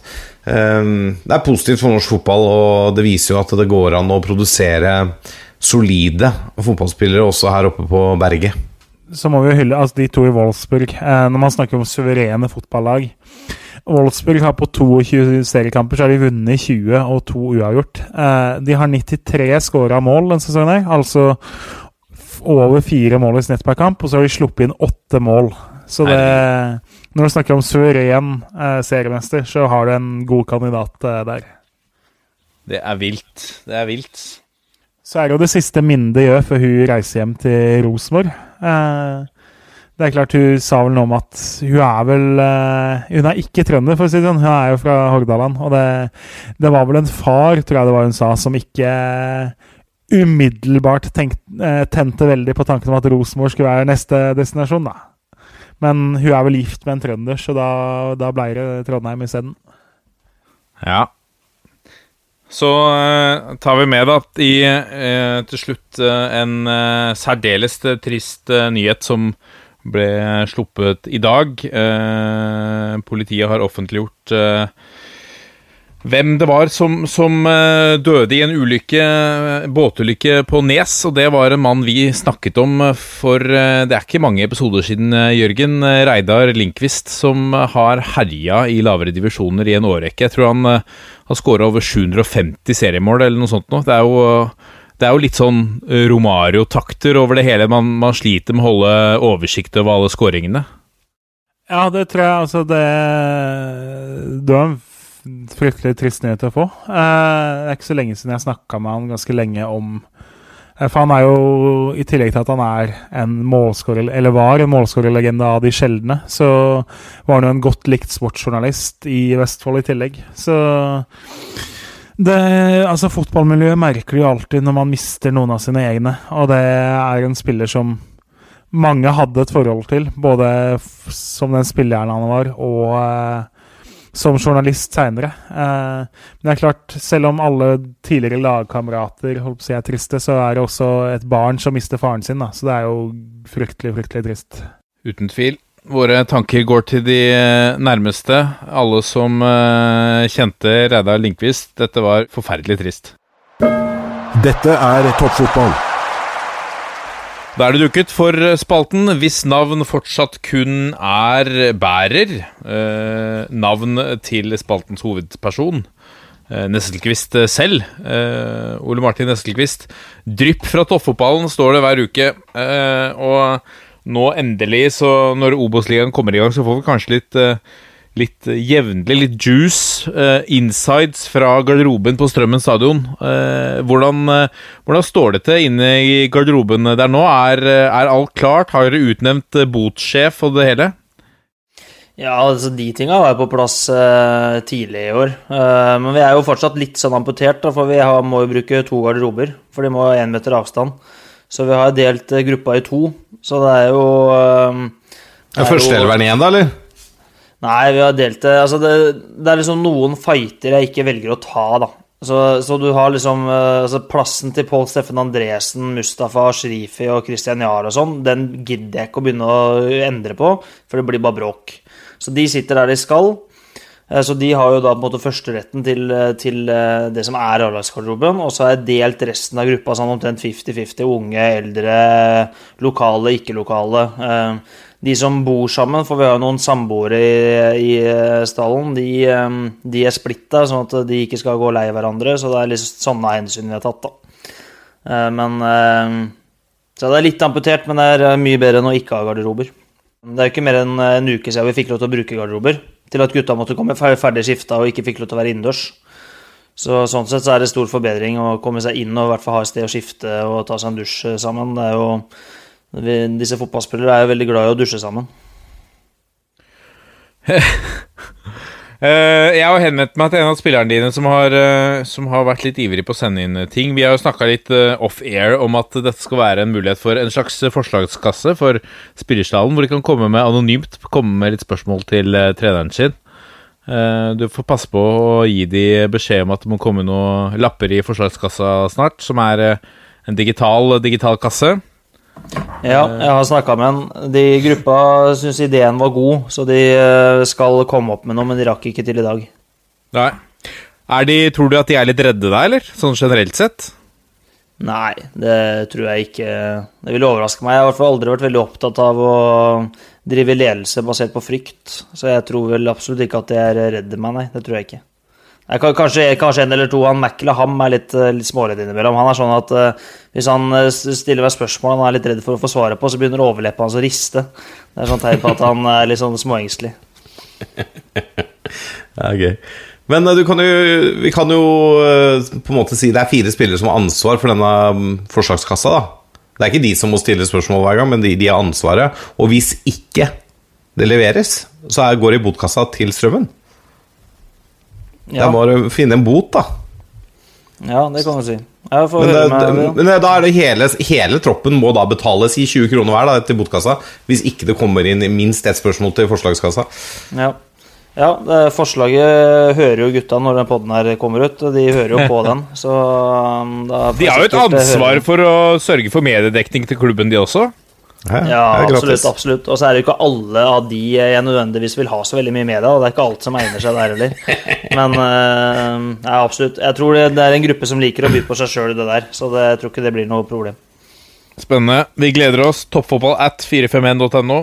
Men, men Ole Martin, i dag slapp dere på Twitter Så slapp dere ny, ny drakt. På den så pryder eh, Black Lives Matter-logoen. Det syns jeg var svært gledelig å se. Eh, vi har jo andre klubber også i, eh, som, som hang seg på der, for så vidt, som, som har eh, promotert eh, mot, blant annet, som organisasjon. Eh, Vålerenga har mot rasisme i bunnen på baksida på drakta. Hva, hva ligger i at Eller hvorfor valgte dere nå å sette Black Lives Matter på, på drakta? Det er jo sånn at den, altså den plassen på drakter i norsk toppfotball under eh, navnet og under tallet er forbeholdt en veldedig organisasjon. Ehm, der eh, skal du, Hvis du skal ha noe der, så må det være en organisasjon som ikke betaler noe for å være der. Uh, og så har ikke vi noe sånn formelt samarbeid. Uh, vi har undersøkt med litt forskjellige, men har liksom ikke kommet fram til noe eh, håndfast. Og så dukka jo dette med Black Lives Matter eh, opp eh, for eh, ja, noen uker siden. Og da mm, Det er jo noe alle vi selvfølgelig brenner for, som så veldig veldig mange andre, heldigvis. Og så var det en veldig god idé fra vår daglige leder at uh, kanskje vi skal søke om å rett og slett ha det budskapet der. Og det fikk vi veldig raskt lov til av NFF, som jeg syns er veldig bra. For det er jo i utgangspunktet ikke lov, tror jeg, men jeg syns forbundet er flinke som ser litt mellom fingra på det, for det er et viktig budskap. Eh, og så syns jo vi det er morsomt å kunne tre på oss den drakta med et så viktig budskap òg. Og så er vi jo så langt den eneste klubben som vi vet om og som har det, så vi blir litt unike. Og når vi fortalte det til spillergruppa, så var jo mottakelsen eh, veldig, veldig bra på det. Så det, det er noe vi er veldig stolt over, at vi skal ha den på, på drakta. Og drakta i seg sjøl også er jo en utrolig flott drakt. Det må være en av de peneste i toppfotballen. Ja, altså Først og fremst så syns jeg det er ufattelig bra eh, at de har fått til å få, eh, få det på drakta. Og så jeg, helt ærlig, jeg syns de draktene var veldig eh, flotte og fjonge i år, altså. Det ser bra ut. Det ikke, det er, og det, såpass ærlig må jeg være. Det er ikke alltid at strømmedraktene har vært veldig pene. Men i år så syns jeg faktisk det var ganske bra. Det er vel ikke alltid at kombinasjonen rødt og grått har vært det beste? Nei, det er noe med det, da. Eh, men det er greit. Men eh, det blir jo det blir bra i år, ut ifra forutsetningene. Kjernås, jeg vet du, akkurat som meg, er irritert over fargene rødt og grått på strømmen, spesielt på Championship Manager og FM og sånn, hvor det er helt umulig å se hva som står når, eh, når det er klubbfarger. Ja, det er helt forferdelig sånn sett. Og det, men klart, det mangler jo noen skulderputer på de draktene, da. Jeg syns jo Strømmen eh, skulle gå tilbake til det snart. Ja, Vi vurderte jo det, men så sier jo Bobbe at sist gang det var skulderputer, så måtte jo han sitte og ta ut én og én skulderpute etter første kamp, for gutta nekta å bruke det mer. Så Bobbe har gitt klar beskjed om at det skal han ikke ha noe av.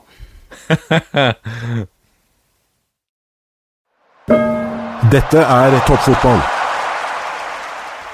Og da er vi kommet til uh, lyttespørsmål, og vi begynner med et spørsmål fra Bjørn Rudshagen, som eh, altså spør om tanker om lekkasjer fra spillerbusser og lignende.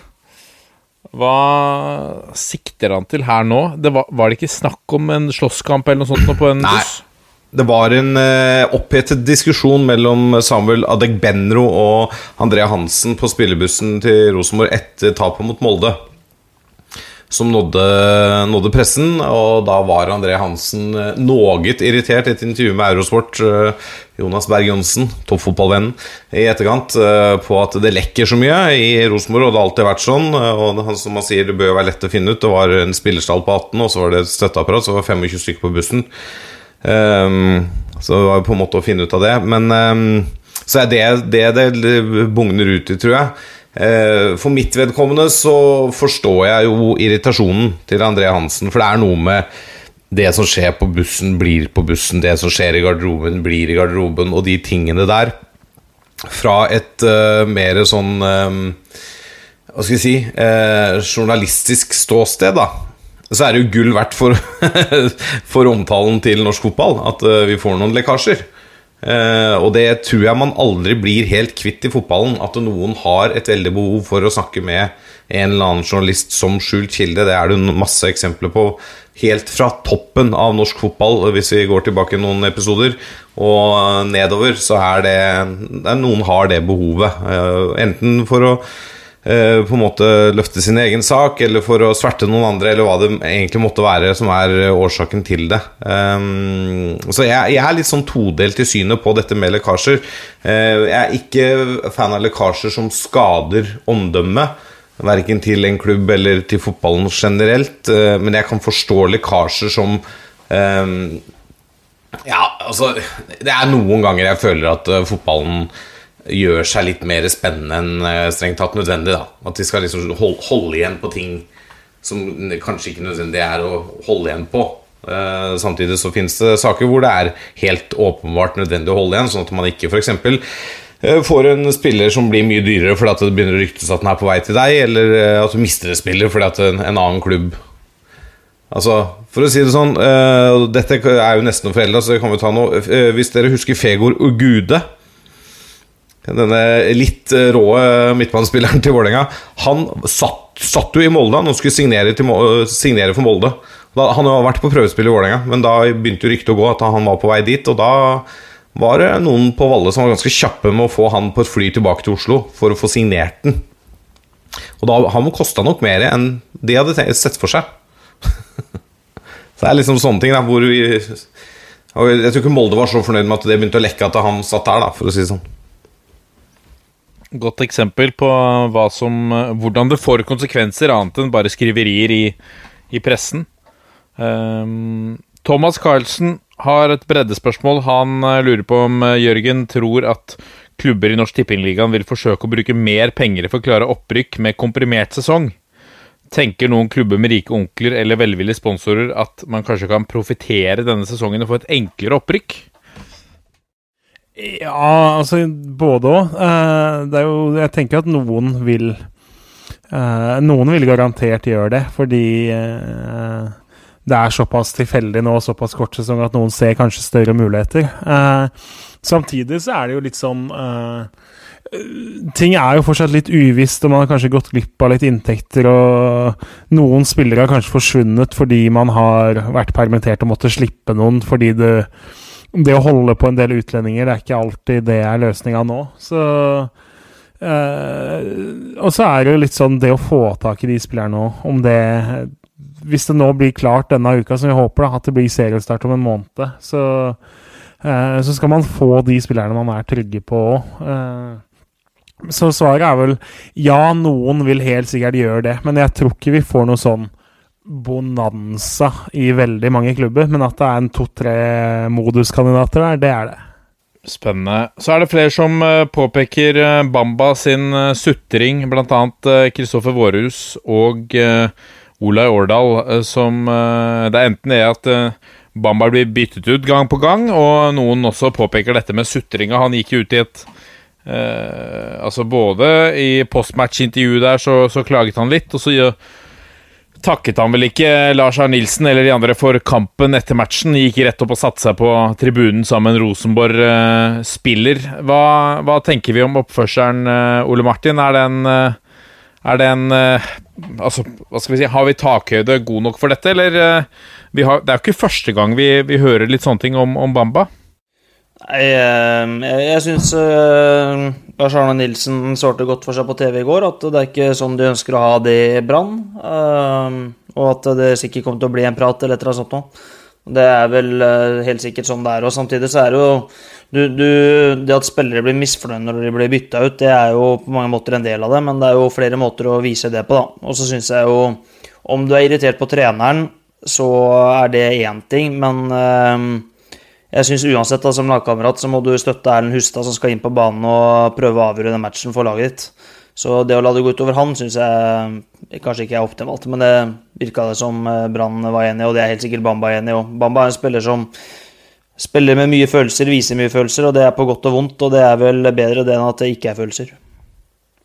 Ja. Vi raser videre. Uh, Mattis Moen vil uh, at vi skal spå topp tre uh, toppskårere i Obos. Da gidder jeg ikke spørre deg, Ole Martin, for det blir tre Strømmen-spillere. Men uh, Kjernås, hvem er det du har? Har du en fra Strømmen? Selin? Nei Feige. Thomas Lene Olsen 1. Kent Håvard Eriksen 2 og uh, Fiti Masemi 3. Det der er trygt. Ekstremt trygt tippa. Oh. Og eh, det var veldig trygt. Ja, men klart, du har jo altså, du har jo Adam Given Burde kanskje vært inne der isteden. Ja, men uh, Nei, det blir Men ja, det, det er veldig safe trippa, men uh, samtidig så uh, Samtidig så tror jeg ikke det er så langt unna fasit heller. Oh. Hansken er kastet. Lasse Årstrand uh, sier, eller kommenterer, Daniel Bråten til Skeid. Han uh, Altså, legenden ble jo klar denne uken, eller var det i, i går? Uh, nå tilbake til Skeid, noe som i hvert fall Skeid-oksene har ventet på helt siden han herja mot Rosenborg, var det vel, i i, eh, i cupen der, som var med på jordet, både han og, og Daniel Fredheim Holm eh, føre de nærmere en proffkarriere. Eh, nå spør Lars Årstrand om dette er en garderobeforsterkning eller en faktisk forsterkning på banen, Wangstein? Jeg, jeg, jeg syns jo det er en helt nydelig overgang. Uh, jeg, jeg, tror Daniel Bråten kan, uh, kan gjøre vei i vellinga jeg, i Skeid, sånn som Skeid er nå. Og så selv om jeg ikke tror at Daniel Fredheim Holm går ned et nivå nå som spillende assistenttrener i Koffa, så hadde det jo vært noe romantisk og deilig med å få han også tilbake til Skeid nå, selvfølgelig. Eh, men eh, nei, jeg tror Daniel Bråten blir en eh, bra signering for Skeid både på og utenfor banen, altså. Blir ikke det litt sånn som Daniel Bråten alltid har vært? da? På gode dager så kommer han til å herje, og på dårlige dager så kommer han ikke til å herje. Det er vel Han, han kommer til å være ja, kommer til å være Skeid som han har vært i hele karrieren sin. Ja, ja, det kommer han til å gjøre, men de gangene han er på, så kommer han til å herje. Så voldsomt òg. Jørgen Carlsen lurer på om vi har troa på Tobias Svendsen i HamKam. Han trengte i hvert fall å ta et steg bort fra Molde nå, for det har vært mye utlån og litt sånn stagnasjon. Han var jo har jo siden han var veldig tidlig i tenåra vært liksom regna som eh, holdt på å si, den nye store i Molde, da, og en de har hatt veldig troa på. Og så har, har det ikke funka der, og så har det ikke funka helt med utlån. Så Tobias Svendsen bor det mye fotball i. Uh, usikker på om du skal regne med han fra fredag av som liksom en spiller som utgjør en forskjell. Men uh, HamKam har nå satsa på en del av de gutta som har falt litt ut av toppklubber nå. Uh, Henta en to-tre av dem. Og da Tobias Svendsen er fortsatt Han er vel født eh, 2000, eller, eh, hvis jeg ikke tar feil. Så han er vel 19-20 år nå. Og da klart han Det bor mye fotball, og det er et potensial i han. Så, så ja, på et treårsperspektiv så tror jeg det er en fin signering. Styrmann, diskuter hvorfor Janne fortsetter å gi Kinoshita sjanser når han åpenbart ikke er i nærheten av eliteserienivå. Stabæk så tross alt bedre ut med Oliver Edvardsen på topp og to ved siden av han. Det lukter et eh, prestisjeprosjekt, eh, dette. Han har Nei, han, han har jo vært langt under paret i de tellende kampene. Det er det ikke noe tvil om. Og så med Asemi ut, og mens han her nederlenderen eh, er i karantene ennå, så er det jo ikke all verdens av angrepsalternativer i Stabæk.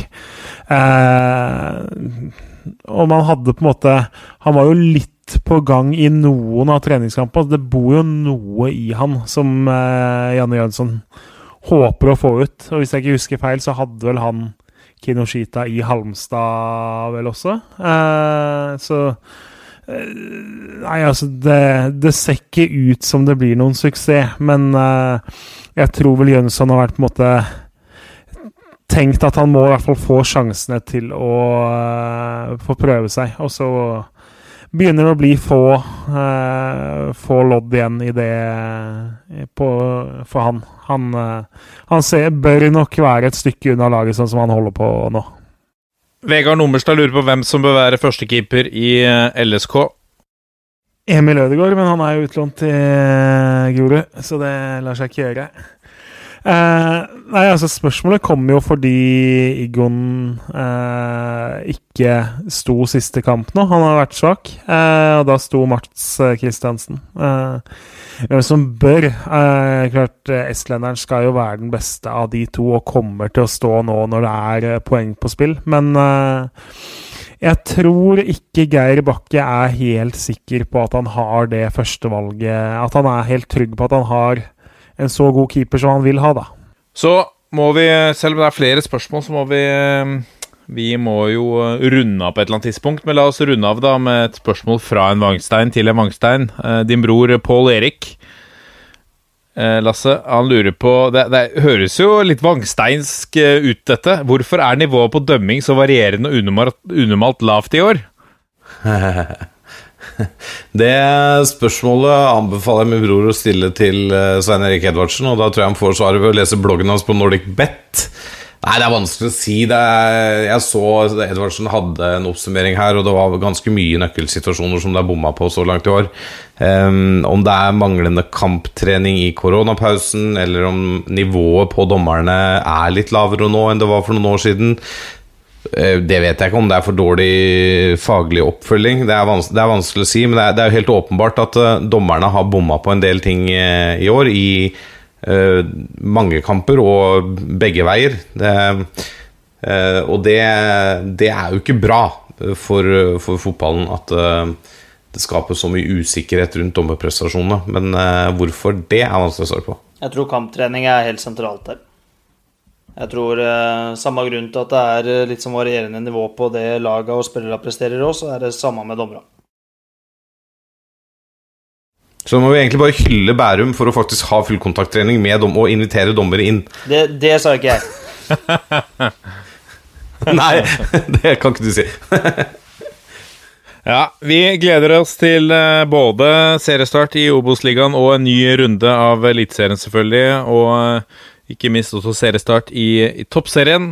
Eh, denne uken slipper vi også i Altså Før neste eliteserierunde kan du høre preview til eh, neste runde, altså, i, på podkastplattformen Podme. Der får du eh, en første måneden, måneden gratis. Så kan du teste ut eh, plattformen free of charge. Det anbefaler vi.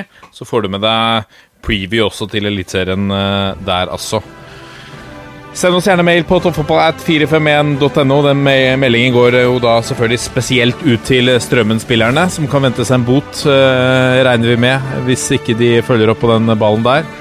Eh, og så følg oss gjerne også på Facebook, Twitter og Instagram.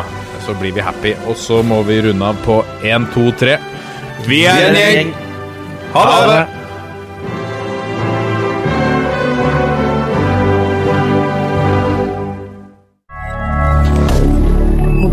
milliardaire